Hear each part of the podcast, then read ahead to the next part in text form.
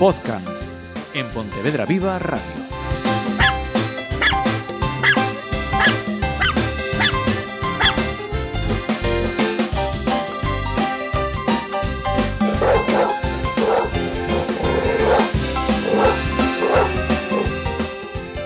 Saludos, estamos en podcast, eso ya lo sabéis y, y también os imagináis que quien me acompaña aquí en el estudio de Pontevedra Viva Radio, como no puede ser de otra manera, ¿Quién porque es? si ¿Quién no es? está Diego Álvarez, Ah, no vale. hay podcast. Creí que había habido alguien más, estaba yo asustado. Sin Diego no hay podcast, eso lo tenemos claro. Diego, la última vez lo habíamos dejado en la alimentación. Exactamente. Habías dicho que lo vamos a hacer en dos partes porque era un tema amplio y denso. Y denso. Hoy creo, corrígeme, vamos a hablar de lo que es eh, alimentación natural, ¿no? Sí, bueno, más que hablar de alimentación natural, porque. Vamos a eh, precisar, Es, eso. es, es eso, es como siempre, es como mi perro tiene un problema, eh, ¿qué debemos hacer? Pues un- eh, ir a un, un profesional. Eh, dar mm, para todos los conceptos, para dar una, una alimentación natural correcta, pues llevaría varios programas más. Pero, pero sí que lo que vamos a hacer es desmitificar el Ajá. hecho de que la alimentación natural eh, es, es mala y, y además indicar también los beneficios que, que- que aporta, eh, fundamentalmente. Luego a la hora de, de si alguien se quiere animar pues a dar una dieta barfa, una dieta presa o una dieta de, de comida cocinada, eh, hay profesionales o yo mismo eh, que os puede ayudar, guiar para, para dar ese tipo de, de alimentación. Como digo siempre, yo a Bella es lo que le doy, se lo doy cocinada, en mi caso, y la verdad es que se nota muchísimo. Tanto, ya lo vamos a ver, tanto a nivel conductual como a nivel físico, es una, es una pasada. Pero bueno, lo primero que, que quería comentar era lo que os decía, el tema de los mitos sobre la alimentación natural. ¿De dónde vienen estos mitos? Lo de siempre. Un día me cogerán las empresas eh, productoras de Pues- pienso y me darán una paliza por la calle, pero es lo que hay. Eh, vienen de... Ha quedado avisado, ¿eh? Eh, Exactamente. O sea, la primera denuncia va a ir por ahí. Eh, las, las fábricas de pienso mitifican estas cosas eh, y como lo que habíamos comentado el otro día, los que generan los guiones de alimentación en facultades de veterinaria son estas propias empresas, los veterinarios eh, dicen lo bueno es el pienso.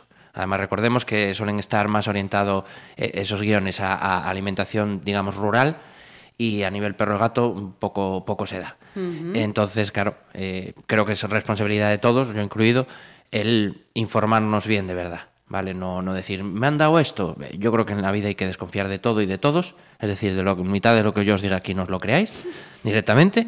Y, y tener una, una, digamos, una imagen propia y, y- y- y saber decidir. ¿Vale? Eh, ¿Cuáles son estos mitos? Pues, por ejemplo, el típico de la carne cruda vuelve agresivos a los perros. Yo cuando a veces le digo a la gente que le doy a mi, a mi perra, pues a lo mejor un, un hueso crudo, luego hablaremos de los huesos, pero si toman sangre se vuelven violentos, sí o sí, desde luego que sí, vamos. Se vuelven loquísimos. Mi perra está, como en los dibujos, con un cono de loco en casa, dando cabezazos diciendo agua caliente que me bebe. Es una tontería como un mundo. Aún es más, el efecto es el contrario. ¿Por qué? Por el tritófano. No recuerdo bien si lo habíamos Lo hablado. habíamos sí, ¿no? hablado la ocasión anterior, Exactamente. Precursor de la serotonina, neurotransmisor, responsable de la felicidad. Con lo cual, eh, en los piensos hay gran contenido en carne, como habíamos visto, no. Por lo tanto, ¿hay gran contenido de tritófano? No. El efecto es totalmente lo contrario. Sí que hay que tener una precaución con el tema de, de la alimentación natural, sea cruda, sea cocinada, sea la que sea. Evidentemente es mucho más sabrosa, es mucho más palatable y sí, sí que es, eh, puede provocar y, y- y puede incrementar lo que se llama la protección de recursos, que ya habíamos hablado en su momento, que es que el perro, pues eh, simplemente por el hecho de que nos acerquemos a su comida, pues nos gruña o nos intente morder. ¿Vale? Entonces eso sí que es muy importante, por eso digo que hay, que hay que ir a los profesionales, que si voy a poner este tipo de comida, valorar a mi perro. Esto no quiere decir que no le pueda dar comida natural si mi perro tiene protección de recursos. Hay formas de reducir esa protección y, e incluso de dar la comida, no molestar al perro, retiramos el cuenco y ya está, ¿vale? Pero sí que hay que tener precaución con esto, que a veces lo he hecho en falta cuando, cuando hablan de, de eso, de la alimentación natural, de darle un, es dar- bueno dar un hueso al perro y tal. Eh, sí, pero cuidado con esto, cuidado con esto porque eh, yo estoy trabajando ahora mismo con un cocker con una protección de recursos considerable de morder con, con fe. Además es protección de recursos de todo lo que toca el suelo. ¿eh? Le da igual que sea comida, que sea una uña del pie. Él si toca el suelo, no lo toques. Entonces, cuidado con esto porque nos jugamos una mordida. Vale. Luego, la carne cruda puede provocar intoxicación por parásitos y pudre el hígado. Bien. En primer lugar, recordemos que la, la acidez del, del- del estómago del perro era de 1. Por lo tanto, no es como nosotros, que es de 5. Los parásitos nos pueden afectar mucho más. Es mucho más difícil que les eh, afecten los parásitos. Eh, además, se recomienda siempre congelar un mínimo de tres días la comida. Eh, cocinar no asegura eliminar todo, pero congelar prácticamente sí. Por ejemplo, un ejemplo típico es la anisakis. Sí. ¿vale? Entonces, con la congelación ya vamos a asegurarnos de, de- de- de que no haya ese tipo de parásitos.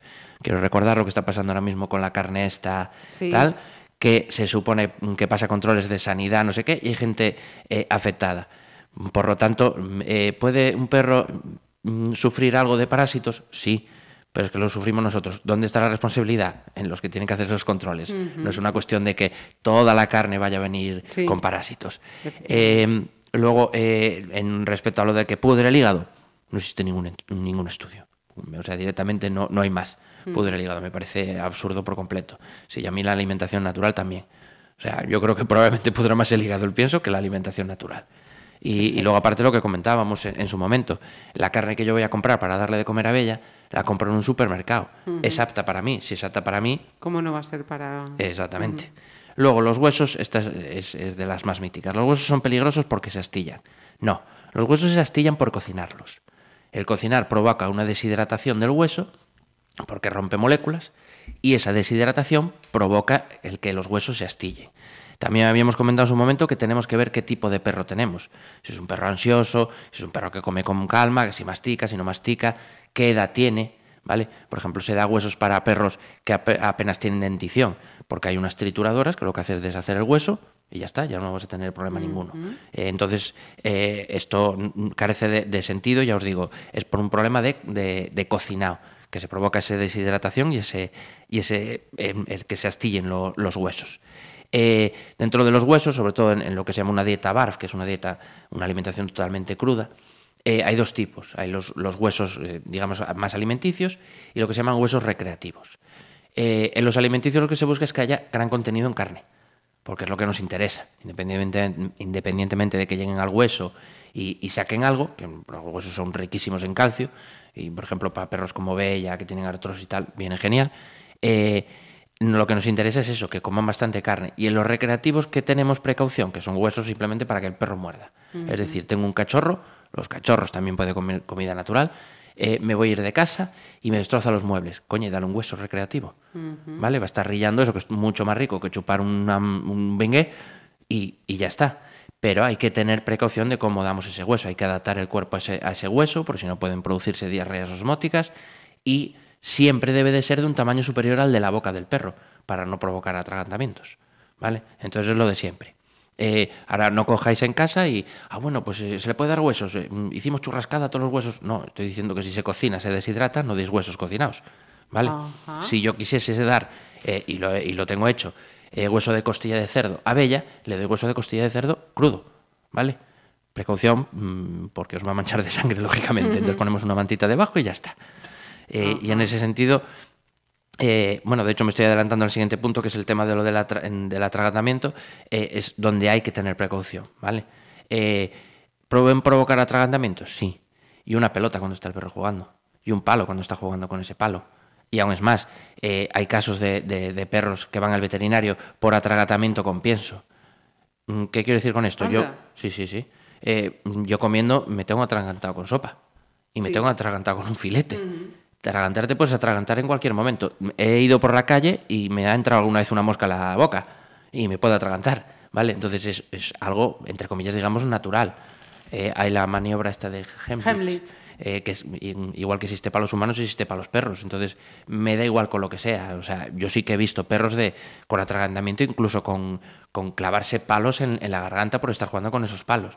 Entonces, no digamos en plan, no, es que va. a pro-". No, no, no provoca más atragantamiento, para nada. Y repitamos lo del lo de el anterior programa. El perro está diseñado para morder, desgarrar y tragar cachos muy grandes. Ya habíamos explicado por qué, por lo tanto, carece de sentido. Ahora, meter esa bola seca para adentro, cuidado. Es que, es que fíjate, porque mm, ahora mismo con todo esto que estás diciendo, estaba pensando en la infinidad, infinidad, infinidad, infinidad de casos o situaciones, momentos en los que vengo escuchando. Bueno, todos estos huesos, eh, guardádmelos que se los voy a llevar al perro. Correcto. Me- eh, O sea, me- correcto, vuelvo a decir, sí, están sin cocinar. No, no, claro, todos los restos que Eh, han sí, sobrado sí, sí, de las comidas. Eh, por favor, estos huesos. guar- Sin problema ninguno. O sea, les viene genial, genial. Vuelvo a decir, no nos volvamos locos y ahora cojo, le pillo un hueso a mi perro. No. Pongámonos en contacto con un profesional que, se- que os explique cómo dar los huesos e incluso cómo retirar los huesos para evitar ese tipo de, de problemas de protección de recursos. Es muy, muy importante. Pero de malo no tienen absolutamente nada. Ajá. Yo porque no tengo dentición suficiente, si no me los comía yo. O sea que... Luego, eh, una muy buena. El pienso es una comida equilibrada. Aquí ya es que eh, ya hablamos de esto en el programa pasado, pero yo me hago una pregunta. Si realmente se pueden hacer bolitas que son perfectamente equilibradas con proteínas, vitaminas, todo, para un perro, ¿por qué no las hacen para los humanos? El tío que las inventase se iba a forrar. Por lo tanto, yo por ahí ya desconfío. Y luego, por otro lado, que también lo comentábamos, a mí la comida que más, probablemente que más me gusta es el churrasco. Lo siento por los veganos y vegetarianos, pero me flipa. Yo no comería churrasco todos los días. Acabaría harto. Entonces, eh, esto, luego lo veremos, estos perros que les cuesta comer todos los días el pienso y luego encima empiezan a inventar. Que un chorrito de aceite de oliva, que no pasa nada, es muy bueno el aceite de oliva para los perros, sobre todo en especial para el pelo. Em, Pues mm, hice carne guisada, le voy a echar la salsa de la carne. Eso ya no es nada bueno, eso contiene sal, no es nada bueno. Inventan 400 cosas, se lo doy con la mano.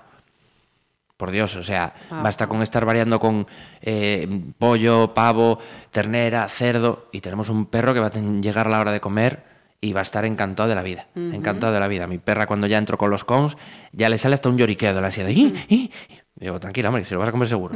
O sea que carece de sentido.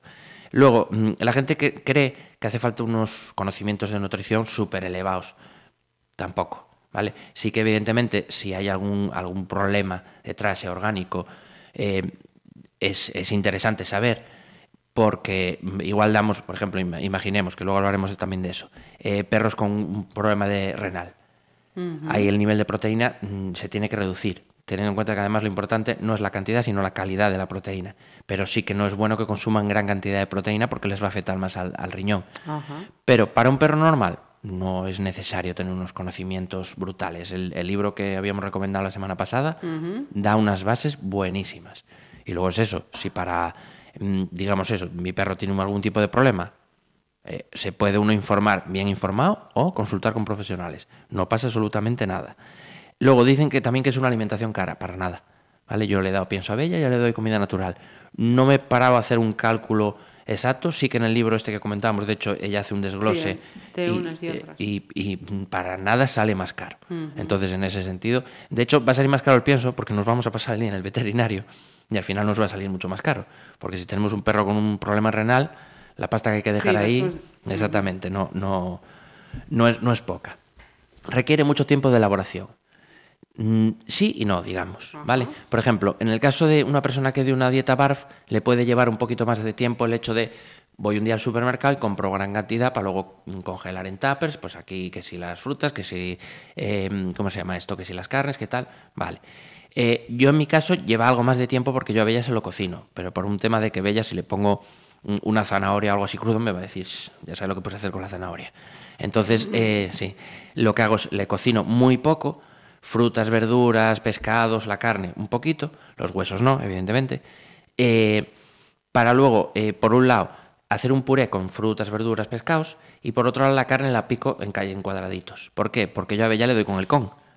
¿Vale? En- si fuese en un comedero, pues lo echaría ahí y ya está. Pero como es en un con, necesito poder manipularlo y, que, Mm, y que y que quepa en el con, exactamente. Entonces le relleno pues tres cuartas partes con carne y la otra parte es el puré este de, de tapa. Y come, que vamos, da gusto verla. Con lo cual, ¿lleva algo más de tiempo? Sí, pero bueno, a lo mejor en el tiempo que estamos cocinando lo nuestro, hacemos lo de nuestro perro y ya está. Yo de hecho lo que suelo cocinar para una semana y luego el fin de semana cocino para la siguiente. Y tampoco... Eh, desde el desconocimiento, Diego, perdona, porque estabas diciendo, eh, le doy la carne, le doy las verduras, le doy las frutas. Sí que también he oído en una ocasión, no, no, las frutas y las verduras apártamelas que no, no las puede comer. Eh, a ver, sí que es cierto que hay determinados, determinados alimentos que el perro no debería, ¿vale? Pero, eh, mm, cuidado con esto que voy a decir, que luego nos- lo que digo, nos volvemos locos. ¿Es bueno el chocolate para el perro? No. Eh, ¿Es malo? Depende. ¿Qué quiero decir? Para que Bella, que pesa sobre unos 40 kilos, le sentase mal el, el chocolate, tendría que comerse una tableta. Opción 1, que la robe. Vale, pues tiene la tableta donde la tienes que tener. Opción 2, que se la dé yo. Hace falta ser, hablando mal y pronto, gilipollas para darle una tableta entera de chocolate. Sí, se sí. la darías a tu hijo. Eso Bueno, te iba a decir, si ya para una persona Exactamente. es excesivo. Entonces, a tu perro menos. Eh, yo le doy chocolate a Bella, no es una cosa de la que abuse. Sí que a lo mejor puedo comer chocolate, se me derritió, me quedó algo en los dedos. Bella, mira que me ahorro irme al baño, límpeme el dedo.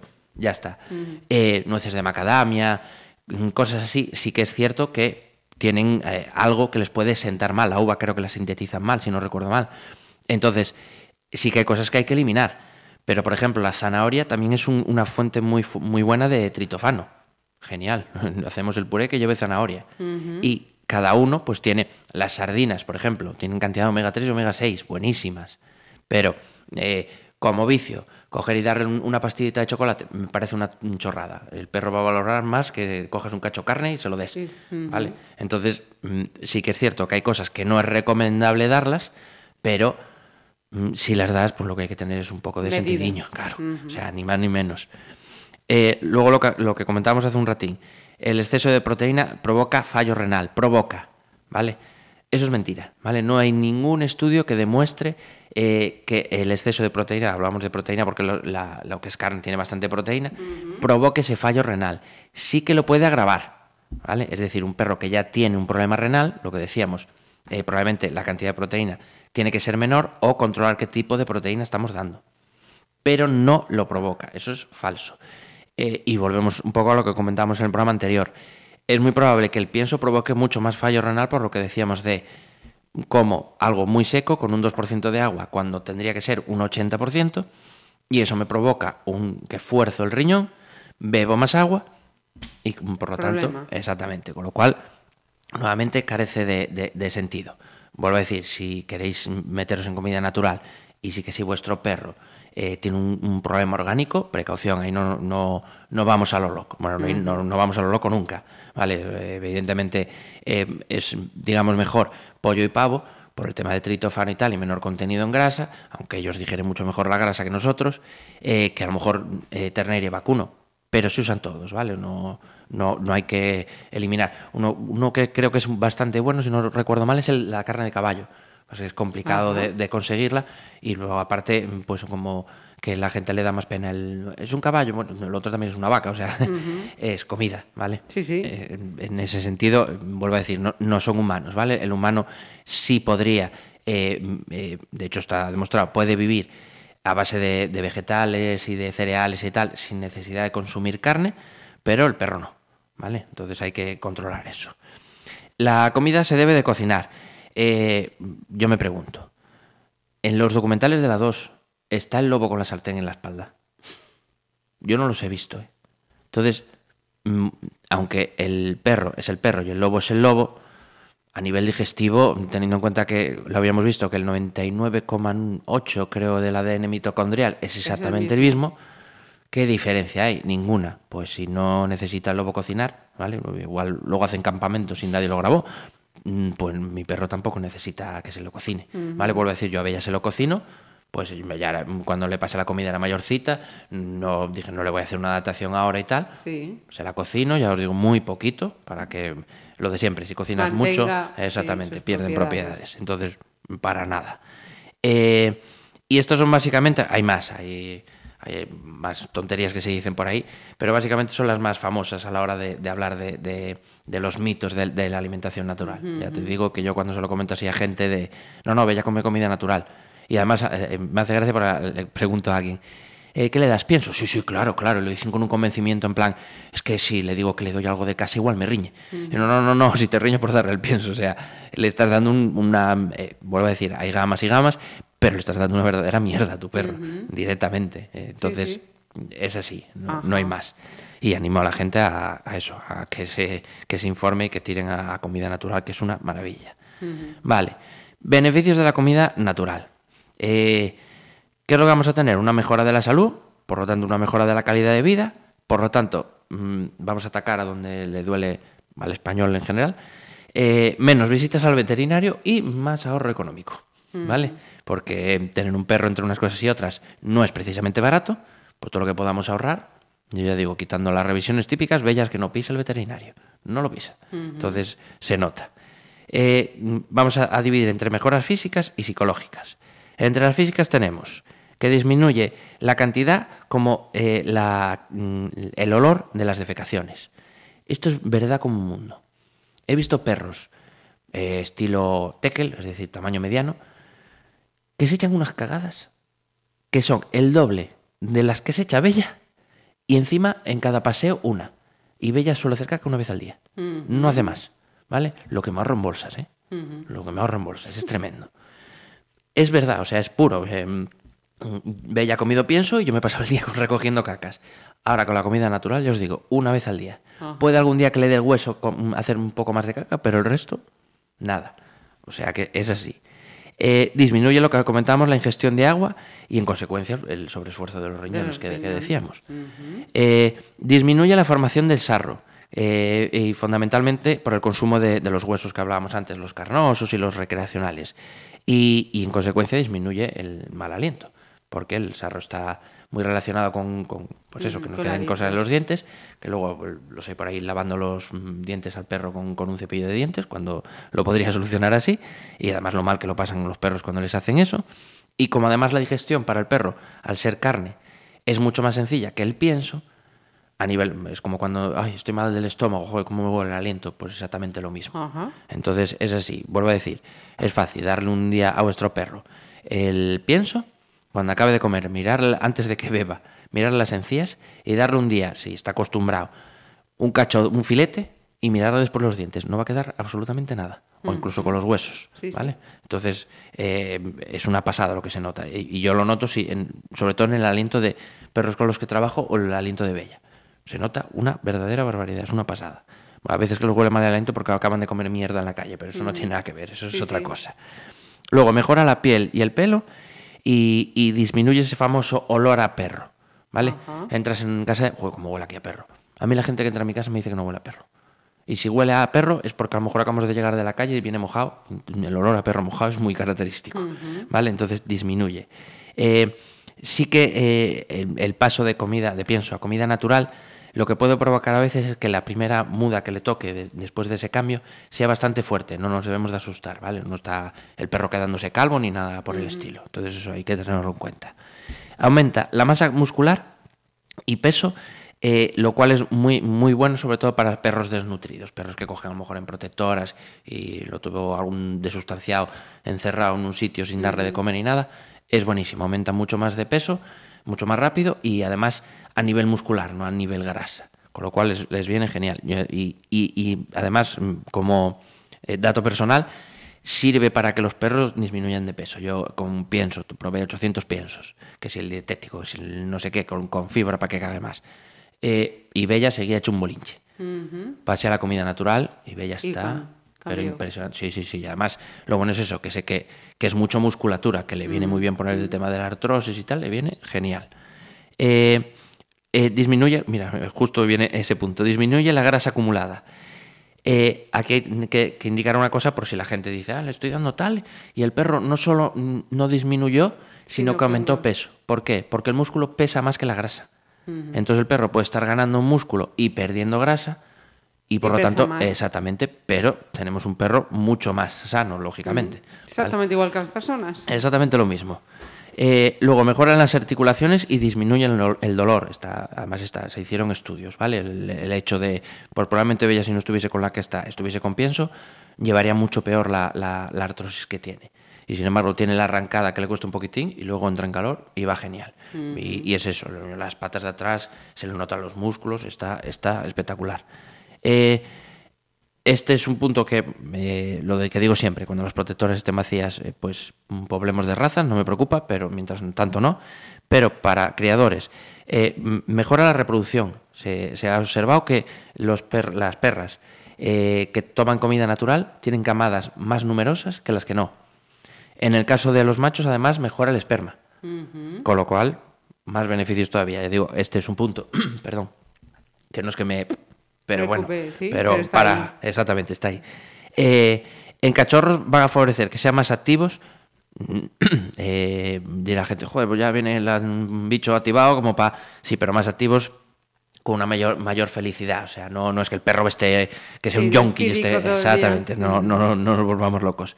Y se desarrolla más rápido en las primeras fases y además con un desarrollo natural. Hay muchas veces que a perros que están muy pequeñitos, dale este pienso que favorece el crecimiento y tienen un crecimiento demasiado rápido. De hecho, hay una enfermedad que se da incluso también en, en los humanos, que es que el crecimiento óseo y muscular es demasiado rápido y el de los eh, tendones o sí, no. Creo no se me acuerdo ahora mismo si es tendones o es... eh, ¿Cómo se llama esto? Bueno, no me sale el nombre ahora. Hay tendones y... lo- Bueno, No, no te puedo ayudar. entonces eso provoca que el perro esté mal, Sí. ¿vale? Porque ha desarrollado partes demasiado rápido y otras partes que no. Sin embargo, la alimentación natural, claro, eh, tiene su lógica, vuelvo a decir, los lobos no se desarrollan como se tienen que desarrollar porque comen lo que tienen que comer. Entonces, esta, ese punto, eh, con esto además eh, hacemos hincapié en que los cachorros también pueden tomar comida natural. En el momento que el perro eh, empieza el destete, no le vamos a dar la comida, toma eh, este cacho así y tal, no, vamos eh, adaptándolo progresivamente, Progresivamente, exactamente, claro. Y, se adapta sin problema ninguno, sin problema ninguno. Y luego mejora el sistema inmune y la capacidad de recuperación a nivel posoperatorio, también está demostrado. De hecho, el libro que comentamos la semana pasada, la chica lo cuenta, que tuvo una perra que la tuvieron que operar, quiero recordar dos veces, era una displasia y luego una, una artrosis de codo algo así. Y, y hasta el veterinario le alucinó. Una cosa que a lo mejor llevaba seis meses, ella en un mes tenía el perro que, que daba gusto verlo, ¿vale? Lógicamente, o sea, la alimentación es salud y si estás bien alimentado vas a tener mejor salud, mejor sistema inmune, es así. Todo. Luego, a nivel psicológico, eh, quitando la, la salvedad esta que hablábamos de la protección de recursos, evidentemente aumenta las ganas de comer, ¿vale? Vuelvo a decir, me encanta el churrasco, si me lo pusiesen todo- todos los días, a lo mejor a, a lo mejor al mes seis, antes no, pero a lo mejor al sexto mes se me quitarían las ganas. Pero si me das churrasco y me das chuletas de cordero y me da... Caray, ahí ya no pierdo el apetito en la vida. ¿Vale? Pues en el perro es lo mismo, les, les aburre, es lógico. Luego, disminuye la coprofagia. La coprofagia es perros que se comen mierda, Ajá. propia y ajena. Eh, ¿Por qué? Eh, esto no me recuerdo si lo habíamos contado en el programa anterior, si no lo, lo- No me, me repito. Eh, hay perros que tienen eh, la coprofagia eh, y, y lo que están tomando son piensos que se les ve que por fuera brillan mogollón. ¿Por qué brilla mogollón? Porque los recubren de una grasa, de una grasa pues, animal Sí. o, o vegetal o lo que sea, que lo que hace es que huela mucho más y sea mucho más sabroso. Esa grasa lo que provoca es que cuando llega al estómago queda la proteína envuelta y no es absorbida. Con lo cual, en las heces se va la poca proteína que tiene ese pienso. ¿Y qué es lo que está haciendo el perro, siempre y cuando no sea un problema conductual? Buscar proteína en mierda ajena, directamente. Sí, sí. ¿Vale? Entonces, eh, disminuye, pero vamos, sí o sí. Eh, y luego disminuye los niveles de estrés, nuevamente, tritofano, y mejora el estado de ánimo. Evidentemente, si eres feliz, estás en buen estado de ánimo. Entonces, básicamente, estos son eh, eso, los mitos y, y- Los y los beneficios. beneficios. que provoca la alimentación natural. Eh, puede haber algo que, que le sea a la gente incómodo, lo que hablábamos antes de que lleva más tiempo y tal. Creo que no, no tenemos derecho, a, ya que decidimos lo que les damos de comer, démosles de comer bien. ¿Vale? Es igual que si mm, yo tengo a mi hijo y por mm, mi ritmo de vida y tal, me dedico a darle todos los días eh, hamburguesa mm, frita. Sí. ¿Vale? O patatas fritas. O no solo por el tiempo, sino por el hecho de, es que me va a coger- comer mucho mejor la patata frita que si le pongo unas coles de Bruselas. Eh, al niño hay que educarlo y que aprenda a comer de todo, y las coles de Bruselas a mí me encantan. Prefiero churrasco, no os voy a engañar. Eh, y el perro no tiene capacidad de decisión. La tiene cuando tenemos el cubo de la basura afuera, que entonces se dedican a, a lo que se dedican. No tiene capacidad de decisión, démosle una, una alimentación buena. Mm, eh, le vamos a dar un- más esperanza de vida y vamos a encontrar al perro mucho más feliz. O sea, em, vuelvo al, al mismo ejemplo, Bella. Para mí el cambio de Bella fue brutal, brutal. Eh, tanto a nivel conductual, independientemente de que trabajase con ella, como a nivel eso, físico, la perra está, que vamos, es un espectáculo. Mira, ¿y, y hay porcentaje de cuánta gente alimenta a sus perros con alimentación natural y a los de piensos? ¿Sois los, los menos? Muy pocos, muy pocos. poco. Aún es más, la gente es muy reticente. Yo lo entiendo, vuelvo a decir, por, por el tema de los veterinarios. Ajá. Y con esto también insisto, no quiero decir que la culpa sea de los veterinarios. Sí creo que deberían de informarse más. ¿Vale? Y a mí me viene un veterinario y me dice, no, no le puedes dar huesos al perro porque hay este estudio que demuestra que tal, no sé qué, tal, y yo no se lo puedo desmontar. Digo, vale, por ahora me voy a fiar de este estudio. Pero es que no los hay. Pero la práctica también a ti Eh, te a mayor- exactamente. Entonces, mm, yo voy al- a, eh, lo que tú dices, a la práctica y a lo que me han dicho por estudios, esto es así, ¿vale? Si un día me viene alguien y me dice, no, no, se ha hecho un estudio de 200.000 perros comiendo mm, comida natural y todos han tenido un problema renal, digo, vale, pues entonces vamos mal. Si de esos 200.000 lo han tenido tres, eso probablemente es un factor genético, no un factor, Sí, sí, con lo cual es así. Y, y otra cosilla más de todo esto que nos has explicado hoy. Eh, en algún momento, que, mm, posiblemente lo pronuncie mal, has hablado de la dieta BARF. Barf. Ah, ¿Hay múltiples eh, dietas para alimentación eh, natural o es la...? Sí, la más conocida es la BARF, probablemente, eh, que es eh, dieta biológica, no me acuerdo mismo de las siglas, biological... Bueno, No- dieta no biológica adecuada si es que para hay los muchas perros. dietas, pues, como- Luego hay la, la tipo presa, que lo que se busca es que, que para el perro lo que le damos se parezca lo más, pare- lo más posible a una presa real. Eh, si se tienden, pues, por ejemplo, a dar un pollo entero, cosas así. Eh, y luego hay, es por la que doy yo, que es por comida cocinada, ni más ni menos. La base, en, en principio, es la misma. En la BARF vas a dar un gran contenido en carne, luego frutas y verduras y muy poco, o a veces nada, de contenido de, de hidrato de carbono de estilo pasta, arroces y cosas de estas. Eh, pero mantiene siempre el mismo equilibrio. O sea, la cantidad de carne que deberías de dar es la misma, la cantidad de verduras que es la misma, de frutas, de... Entonces, básicamente viene siendo lo mismo y, y eso, sabiéndolo dar, sin, sin- sin más ciencia. Ajá.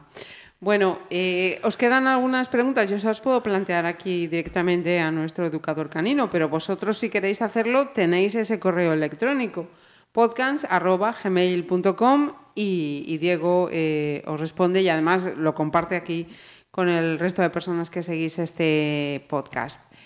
Eh, más secciones de, esta, de este programa. Esa recomendación, libro, vídeo. Ni libro ni vídeo, es web. Nada, hoy web. Hoy ah, web, sí. Perfecto. Insistimos en, es, en la web es de la misma chica que escribió el libro. Ajá. Y, y una cosa que me encantó de este libro es que la mayoría ponen lo del copyright, no se puede reproducir tal.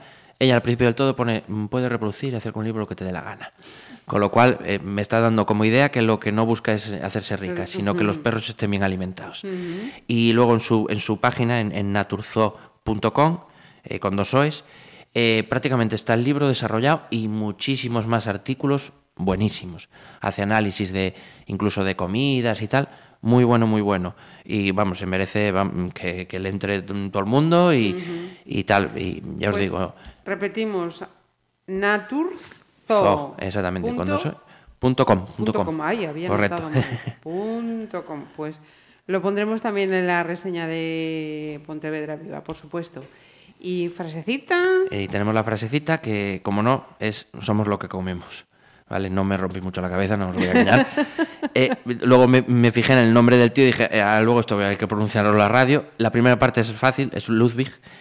Y la- el apellido es Feuerbach, o algo así, que era un filósofo, Filósofo, y sí. antropólogo alemán. Eh, que sí, voy a empezar a decir el nombre y luego F. Punto. Y así ya me ahorro yo el problema de pronunciarlo. Perfecto. Pues eh, nosotros eh, somos los mismos, además de lo que comemos. Nuestro educador canino, Álvaro, ay, Álvaro, Diego. Vale, pues me Diego. cambio el nombre, no hay problema.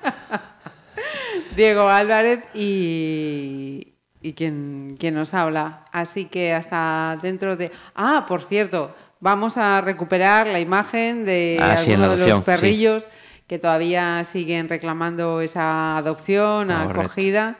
Y, y ya adelantamos también el programa de, la- de- de dentro de dos semanas. Pues para que venga, se queden ahí que lo damos. con la tensión. Vamos a hablar de, de las razas, beneficios y no beneficios de, de las razas, cómo se originaron las razas y por qué soy tan pro mestizo y pro vaciar protectoras. Ajá.